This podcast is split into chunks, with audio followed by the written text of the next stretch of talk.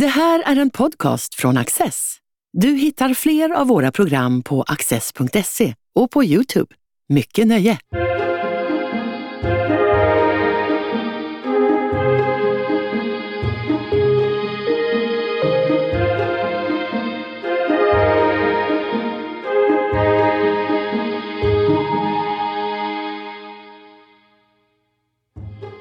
Med hjälp av en ny metod kan polisen förutspå vilka platser som riskerar att få problem med skjutningar och droghandel. Mia-Maria Magnusson är först i Sverige med att disputera inom ramen för sin polisanställning. Hon är själv yrkesverksam polis med lång erfarenhet av narkotikabrottslighet och ser nyttan av att ha ett ben i praktiken och ett i akademin. Mia-Maria Magnusson, välkommen hit. Tack. Varför valde du just det här forskningsområdet? Ja, men från början så valde jag ju att titta på öppna drogscener. Som vi startade med en kartläggning inom eh, Region Stockholm där jag tillhör polisen. Eh, sen insåg jag efter en, en del studier och saker jag hade gjort att eh, det var minst lika viktigt att börja gräva lite i att ja, sammanfoga polisens forskning och praktik. Så då blev det en, en, en dimension till i avhandlingen. För du skriver att det finns ett väldigt stort glapp mellan polisens arbete och forskning om polisens arbete. Hur yttrar det här glappet sig?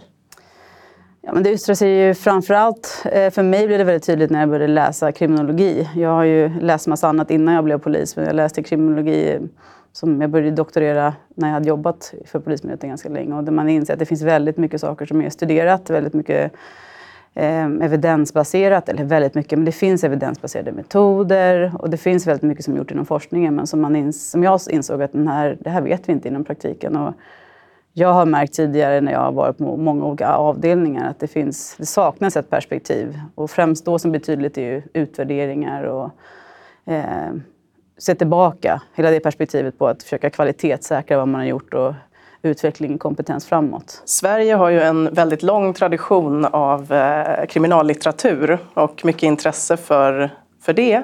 Men ser nu med skräck hur eh, fiktionen har gått över till verklighet. Eh, är det verkligen lika underhållande med deckare idag?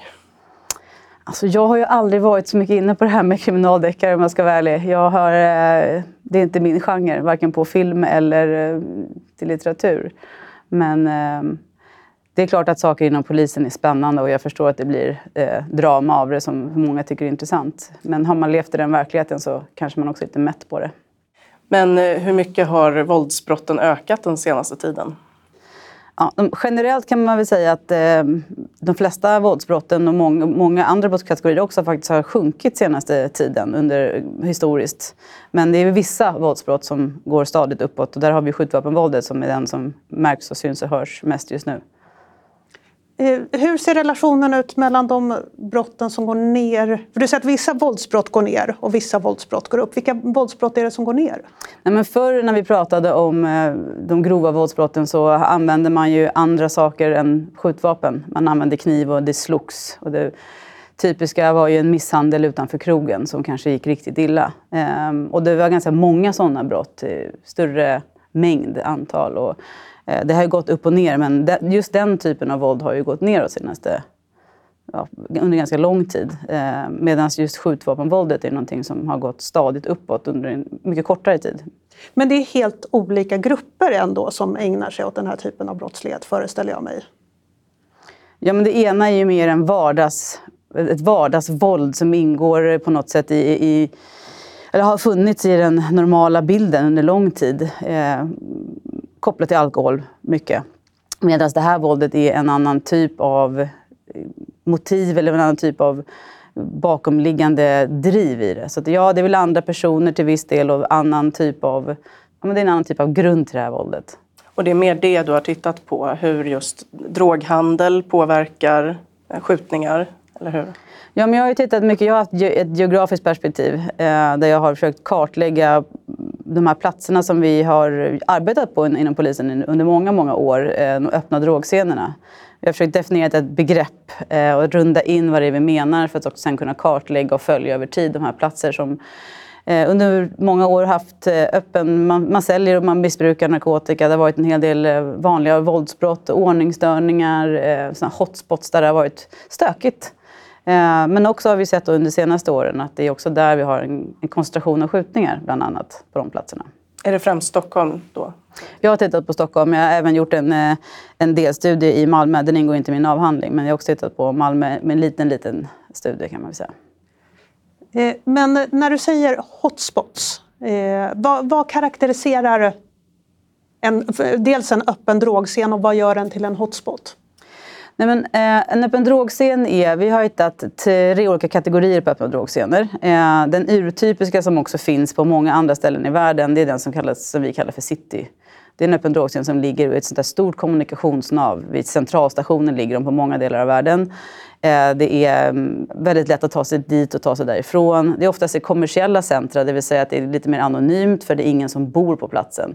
Det är, som Plattan har vi ju som det exempel i Stockholm som är Eh, så glasklart som city. Ehm, och där finns det en viss problematik.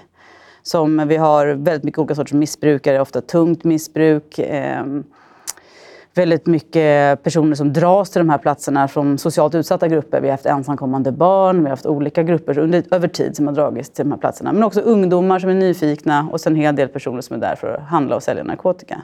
Men det är också platser där vi har haft eh, koncentration av våldsbrott, misshandel. Eh, eh, och på just öppna drogscener som ligger i citymiljö så finns det lite annan brottslighet, till exempel prostitution i närheten och så vidare. Och sen har vi öppna drogscener som ligger i utsatta områden. De områden där vi har eh, mycket annan kriminalitet eh, och där vi också en högre nivå av skjutningar. Och sen har vi en öppna drogscen som ligger i, i förorten. De delar lite både problematiken på Plattan och vissa av dem är lite som eh, utsatta områden light kan man väl säga. Det är lite olika typer men samtidigt så har de ju mycket gemensamt också. Eh, det är platser där det är koncentration, där det är flera olika sorters problem på samma plats. Det är mycket människor som är där av anledningar för, som har med kriminalitet att göra. Och missbruk och utsatthet. Men den här typen av mönster kan man se i andra länder också, eller hur? Ja. Att eh, det är centralstationer, eh, det är förort och utsatta områden. Mm. Finns det några andra länder där man har forskat mer på det här? Nej, men det finns vissa studier eh, som handlar om drogmarknader, och, eh, både i USA och i viss del i Europa också, men inte på det här sättet. Jag har tittat mycket med geografiska ögon.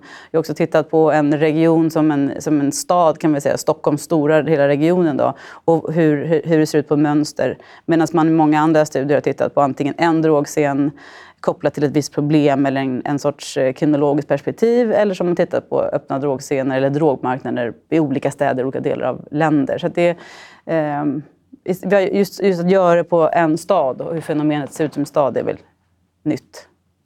När man väl har kartlagt och hittat var de här hotspotsen och eh, öppna drogscenerna finns, vad gör man då som polis? Hur använder man det här? Ja, eh, men det är, ju, det är en väldigt bra fråga. Eh, för det är ju det som ofta är problemet då med forskningen, att den inte når eh, hela vägen ut till den praktiken som man faktiskt vill då att den ska eh, förändra. Men jag valde ju att eh, låta själva grundläggande kartläggningen göras av poliser på lokalpolisområden så att det ska vara deras egen bild som vi sen eh, aggregerar upp Eh, men också få dem att, när de svarar på liksom kartläggningsfrågorna så blir de tvungna att ta reda på massa saker. Och där tänker jag att en lärande redan har börjat. Så just den studien om öppna drogscenen, där har ju förankringen redan påbörjats i och med att själva kartläggningen görs. Och sen så handlar det mycket om att sprida kunskap mellan olika öppna drogscener, mellan olika lokalpolisområden. Men också har, har vårt fokus varit att väl få in samverkan. Att få in andra aktörer och väcka upp eh, den här frågan. För det är ju inte polisens eh, arbetsområde bara som det här tangerar utan det är vården, det är psykiatrin, det är eh, länsstyrelser, det finns väldigt många, kommunerna har väldigt mycket uppdrag och även förvaltare, eh, bostadsentreprenörer och eh, fastighetsbolag och så vidare. Det finns väldigt många som har en, borde ha en aktiv del i alla fall på de här platserna. Om man skulle göra en gärningsmannaprofil, nu, jag inser att jag ber dig generalisera väldigt mycket nu, men eh, hur, hur ser en gärningsman ut på en sån här hotspot i ett utsatt område? Ja, men om man ska då koka ner det till det mest essentiella i just den typen av öppen drogscen så är det ju de gängkriminella. Då är det gängkriminella i ganska lågt, eh, vad ska man säga, låg nivå, unga personer. Alltså jag skulle säga att många av dem är barn som har fått ett uppdrag eller involverats antingen medvetet eller omedvetet från början till att sälja narkotika för de här gängen. Ehm, det börjar ju med att man får, får någonting som man kanske jättegärna vill ha och sen får man börja utföra små, små affärer eller flytta narkotika eller vapen och så vidare. Och sen är man med. Men de här, de här personerna är ju unga och de säljer narkotika till boende som bor i närheten många, på många ställen men också folk som reser dit för att köpa. Du säger att de i princip är barn. Hur unga är de egentligen? Nej, men vi har, jag, har, jag har inte det i mina studier så jag kan inte säga det med liksom forskningsbakgrund men jag vet ju från praktiken att vi pratar om barn från, ja, men alltså, från 10 till 20. Men det finns ju väldigt många som är väldigt mycket yngre än vad man önskar. Du pratar ju lite här om just perspektivet från polis till forskare. Eh, du känner att det perspektivet har saknats lite, eller hur? Kan du berätta lite mer om det här prakademiker, som du säger? Ja, nej men jag tror att det är en, för mig har det varit, och jag tror för många andra, så jag, det finns ju fler för akademiker, men det är ju en vinst att ha en fot i den praktiken som man studerar. För vissa saker är ju väldigt mycket enklare att förstå. Man behöver inte komma utifrån och lära sig en hel organisation då, som Polismyndigheten för att förstå var till exempel ett problem ligger eller varför fungerar inte den här metoden. Utan jag har ju jag har jobbat som gatulangningspolis och jag har jobbat med narkotika i väldigt många år. Eh, så jag tänker att det är ett snabbare sätt att kunna direkt kunna titta med forskningsögon istället för att ta sig igenom vad är det här för egentligen ser ut. Eh, samtidigt också som att det är många som inte... Väldigt mycket forskning som sker på ehm, som inte är kopplat till praktiken. Ehm, och jag tycker att den här praktiknära forskningen, för jag vill ju se till att det blir bättre. Jag vill ju effektivisera, jag vill hitta mönster, jag vill göra så att eh, det blir lättare att motverka de problemen vi har. Ehm, Um, evidensbasera är ju det som man pratar om, evidence-based policing. Nu är det ett jätteuppdrag för att evidensbaserad metod är något som är ganska stort och tar väldigt mycket tid och eh, det är inte helt enkelt. Men det är dit vi vill gå. Så vi får se att de metoderna som vi använder oss av, den energin vi lägger ner, faktiskt ger den effekt som vi tror och hoppas att vi ser. Att det, är lite mer att hitta kvalitet i det. Kommer inspirationen från några andra länder som gör liknande, på liknande sätt med det här? Ja, men när jag började doktorera så fick jag upp ögonen för en hel del eh, andra forskare såklart. Och det har funnits flera forskare som jag insåg också har en praktik i bakgrunden. Eh, så flera av mina sådana sådana som jag har sett upp till och läst väldigt mycket studier av. Är, flera av dem är också poliser i grunden och har eh, doktorerat eller till och med professorer. Ehm, och, och i, i mer, man ska säga, någon slags forskningsnav där det hela tiden handlar om att få till en effektivare, mer kosteffektiv liksom, polisverksamhet. Så vad skulle man göra med de här öppna drogscenerna som du har studerat? Jag inser att det inte är samma svar för varje scen. Men... Nej, men kartläggningen har ju gått ut ifrån lite att man, att man förstår att man har mycket liknande problem. Där finns säkert liknande saker man kan göra, men också att de är väldigt olika. Och då behöver man ju se till att ha olika metoder och olika saker som, som kanske är det som är det största problemet. För på en öppen drogscen där man har skjutningar, då kan man inte hålla på och kanske prata om ta dit socialtjänstemän och vården för att prata med ungdomar. Utan då har man liksom något annat man måste klara av först. Man måste se till att det är en trygg miljö för boende, att folk överlever när man passerar den här platsen. Det är en helt annan sak än kanske på, ja, på Plattan där, vi har, där det är ett perfekt tillfälle för många andra aktörer att komma ner och se vad som finns, vad som försiggår eh, och vad de kan bidra med till platsen. Så det är helt klart kopplat till vilka sorters metoder som man kan använda sig av. Eh, jag har, gjorde en studie som var en, kan man väl säga, en utvärdering av polisens motiverande samtal. En, ett randomiserat kontrollerat experiment. Det är en ganska hård vetenskaplig ram för att titta på någonting som, en, som, en, som man gör med medicin. Funkar den här medicinen eller inte?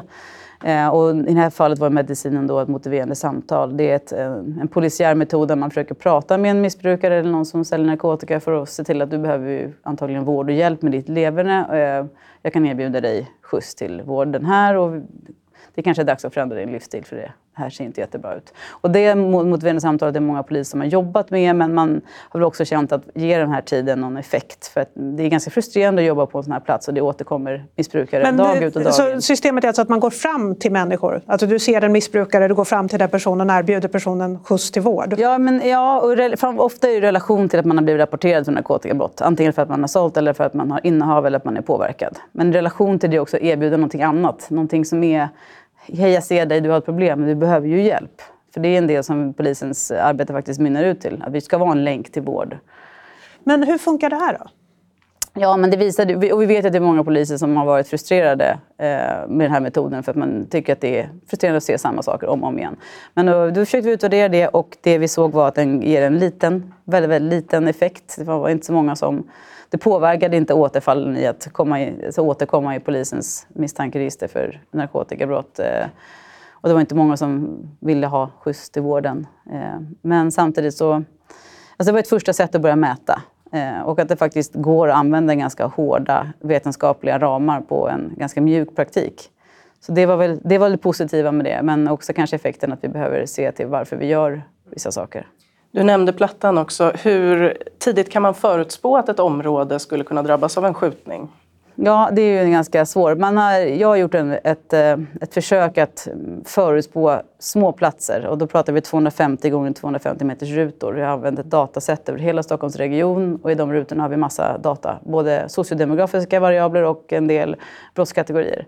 Och så försökte jag bygga en modell som kan säga inom vilka av de här rutorna behöver vi flagga för här finns det gynnsamma förhållanden då för skjutningar. Eh, och så tog vi skjutningar som har skett efter den här datan det vill säga ett år senare och såg hur mycket av de här skjutningarna hade den här modellen förutspått. Så då hittade vi 61 procent av de skjutningarna som hade, hade skett 2021 hade den här modellen förutspått. Och det betyder att man kan använda ganska eh, långsiktiga och trubbiga ska man väl säga, variabler som sociodemografi. Eh, hur många ensamstående, hur eh, inkomst och eh, eh, anställningsnivåer som är liksom ganska saker som de förändras inte jättesnabbt över tid. Men de kunde ändå på ganska specifikt nivå förutspå vilka delar som där skjutningarna sker. Eh, vilket gör att vi kan också öppna upp ögonen för att det finns väldigt mycket data som polisen har och även många andra samhällsaktörer som vi kan använda bättre för att eh, vara mer redo och mer på, på ganska liten nivå. Hur mycket står du själv nu i både forskning och polisarbete så att säga? Ja, jag står ju... Eh, jag har ju haft en ny tjänst kan man väl säga sen jag, sen jag disputerade eh, och försöker hitta ett, ett sätt framåt. Jag har nu forskning i min arbetstid. Eh, och den är, den är 20 procent, men jag försöker göra Alltså, det, det, är svårt att svara på den frågan. För å ena sidan så är jag ju forskare nu. Jag har ju på mina glasögon hela tiden. Jag är ju inte en vanlig analytiker är polis på 80 procent och sen är jag 20 procent forskare. Utan jag brukar säga att jag har nya glasögon på mig nu. Så det jag gör, mina metoder och hur jag ser på problemen är lite mer kanske flerdimensionella nu än vad de var förut. Men de här 20 procenten ska jag försöka göra till rena nya studier. Eh, och då har jag affilierat mig till Malmö universitets polisutbildning för att eh, bygga forskning kopplat till dem. Vad har varit det svåraste med den här typen av forskning som du har ägnat dig åt? Nej, men för mig har det varit svårt att jag är ju då... Jag har ju, det var ganska länge sedan jag läste min master. Då läste jag faktiskt en magister, för master fanns inte riktigt i Sverige. För det var ganska länge sedan. Och att återkomma till det, ska säga, det vetenskapliga perspektivet efter man har jobbat i 15 år. Det var både spännande och lite utmanande. Men också jag kommer inte få en färdig jag jobbar bara i den här metoden. Utan jag hade en hela vetenskapliga, liksom, tata, och jag hade alla möjligheter. Så jag, det var svårt att hitta vad ska jag använda för metoder. Eh, vilka studier är de viktigaste just nu? Både för att jag tycker att de är intressanta men också för att de kan ha en påverkan. Så det var väldigt många olika variabler som jag tyckte att det blev. Det var svårt att koka ihop det. Eh, samtidigt som att det bara skedde. Det blev naturligt. Och jag hade ju på ett sätt tur att de sakerna jag valde att studera faktiskt var någonting som folk kunde använda sig av eller tyckte var intressanta. För att jag föreläste väldigt mycket på mina öppna drogsinnestudier. Det har inte varit svårt att eh, plocka forskningen tillbaka till eh, polisen, så att säga? Nej, men i och med att också skjutvapenvåldet har blivit som det har blivit sista tiden och det fortsätter i fel riktning eh, så finns det också ett, ett, ett, ett, ett sug för den sortens kunskap. Eh, och där har jag väl haft tur att det jag tyckte var intressant i mina studier liksom ligger i en slags samhällsutveckling där man, där man behöver forskningen. Är det svårt att vara den som pekar ut att liksom, ja, här ser vi... Alltså, det jag har förstått på dig nu är att vi pratar om unga killar, ofta med ensamstående föräldrar, kanske arbetslösa föräldrar, något så här arbetslösa själva. Är det svårt att peka ut folk på det sättet, att det är just den här typen av människor som gör ett område farligt? Ja, fast jag, jag pratar ju mest på en aggregerad om, på, på nivå, på ett områdesnivå. Jag tittar väldigt mycket uppifrån. Jag ser kartor som är hela och bostadsområden och så kan jag visa var, var vilka liksom, delar av det här området har vi mest problem. Så jag pratar egentligen inte så mycket om individer utan jag är väldigt mycket mer för fokus på plats. Jag tror att traditionellt inom polisen så har man jobbat väldigt mycket, och i vården också, kopplat till individ. Insatser mot individ, eh, utredningar mot individ. Men det finns ett, ett, ett, ett driv framåt, både inom forskningen men vi försöker få in det i praktiken nu. Alltså vi behöver jobba mot plats. Vi behöver jobba mot geografi, för att det finns väldigt mycket saker som hamnar på varandra i geografin. Där vi har på, på en öppen drogscen så har vi bland annat ja, men säkert 140 stycken ordningsstörningar, vi har fyra skjutningar, vi har två mord, vi har väldigt mycket saker på en plats. Om vi lägger våra resurser mot platsen istället för att bara jaga en individ som gärningsman eller en person som behöver ha vård, så kan vi sammanfoga saker och bli starkare. Och det var det här som du var inne på, att man får in flera aktörer på samma plats som tillsammans kan ja. hjälpas åt att förändra hela platsen. Ja, kan det vara andra saker också som ljussättning, kameraövervakning? Ja men verkligen. Det, man kan ju prata i och med att det är kopplat. Det, man kan ju själv börja fundera ganska mycket och det är det som gör det enklare med att koppla det till en fysisk plats. För det finns många som börjar tänka, jaha men då kan man ju både bygga om, man kan ändra ljusen, man kanske kan ta bort den här parkbänken för där gömmer de narkotika, man kanske kan titta dit eh, andra, rent fysiskt bygga om så det blir en helt annan sorts område. Men flyttar inte det här någon annanstans då? Nej, men alltså, omfördelningseffekterna som det kallas, då, de är ju inte så pass eh, stora som man tror. Generellt kan man säga så under forskningen att man, om, man, eh, om man skjuter på problemen så blir de oftast, eh, omfördelas de men till en mycket, mycket mindre Eh, styrka. Och sen över, över tid så försvinner de. Men här har vi inte tittat på det. Och här finns det också, i och med att platserna, öppna drogscenerna är väldigt eh, speciella, så finns det snarare en hypotes som jag tänker på många också, att om man jobbar väldigt starkt på en öppen drogscen och den inte finns kvar, då kanske det är nästa öppna drogscen snarare som är problemet än området där den här låg. Eh, så det gäller att jobba mot de här platserna eh, samtidigt och, på, och inte bara ta en i taget kanske. Det gäller att börja i tid, inte bara med de här gärningsmännen utan även för poliserna. Hur ser fokus ut på Polishögskolan? Får man tillräckligt med kunskap och erfarenhet för att eh, motverka detta? Alltså det är väldigt svårt att säga, men jag skulle säga att polisutbildningen har, blivit, eh, den har utvecklats massor eh, och nu är den mycket mer kopplad till universitet. Den, det är mycket mer lärare, har, jag i alla fall fått för mig, som har liksom en annan bakgrund än polis. och det är bra? Eh, ja, men jag tror att det är bra. Jag tror man behöver både och. Eh, men framförallt så är den här kopplingen till forskningen och till eh, vetenskapen högre idag än vad den har varit förut. Och det tror jag är väldigt bra. För det finns väldigt mycket studier på polisiär verksamhet, framförallt i andra länder som vi kan tillgodogöra oss. Men jag tycker att den typen av studier är ofta så motsägelsefulla. Alltså, har, I Sverige har vi ju generellt och under väldigt lång tid haft åsikten att man ska jobba förebyggande, man ska ha fritidsgårdar, man ska ha samtal. Och sen, nu så höjs ju väldigt många röster som säger att nej, det enda forskningen visar är att man måste faktiskt ta de här kriminella och låsa in dem för att så länge de är borta från gatorna så kan de inte begå brott och då bryter man upp de här gängen.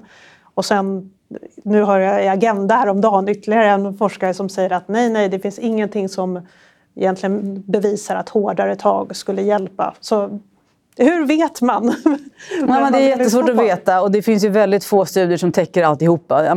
Antingen så tittar man på en individuell insats eller så tittar man på eh, någon effekt av en speciell eh, polisiär metod och så vidare. Det är ingenting som får in alltihopa. Och så måste man skilja lite på vad ger effekt på exempel den här platsen just nu eh, över de senaste månaderna. Men också, eller andra perspektivet är vad är grundorsaken till att vi sitter här idag? Det är ju inte så att det här är en surprise. Att vi har hamnat i en situation i Sverige där, där det är en massa mer våld i den här typen av områden. Vi har haft en lång utveckling till våra utsatta områden. Det är något som har pågått under liksom väldigt, väldigt många år.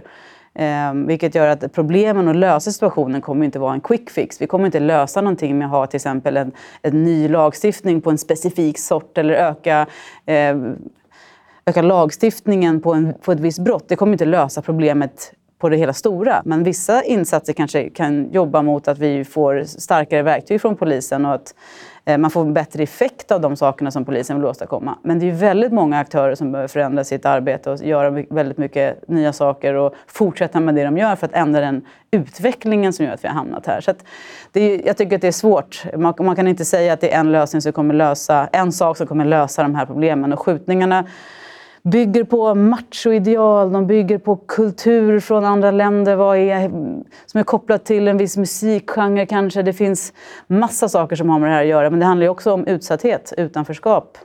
inte ha tillgång till de härliga, roliga saker som livet ska, ska vara och som de ser kanske på TikTok, att människor har ett liv. Men de själva har inte möjligheten att nå de sakerna.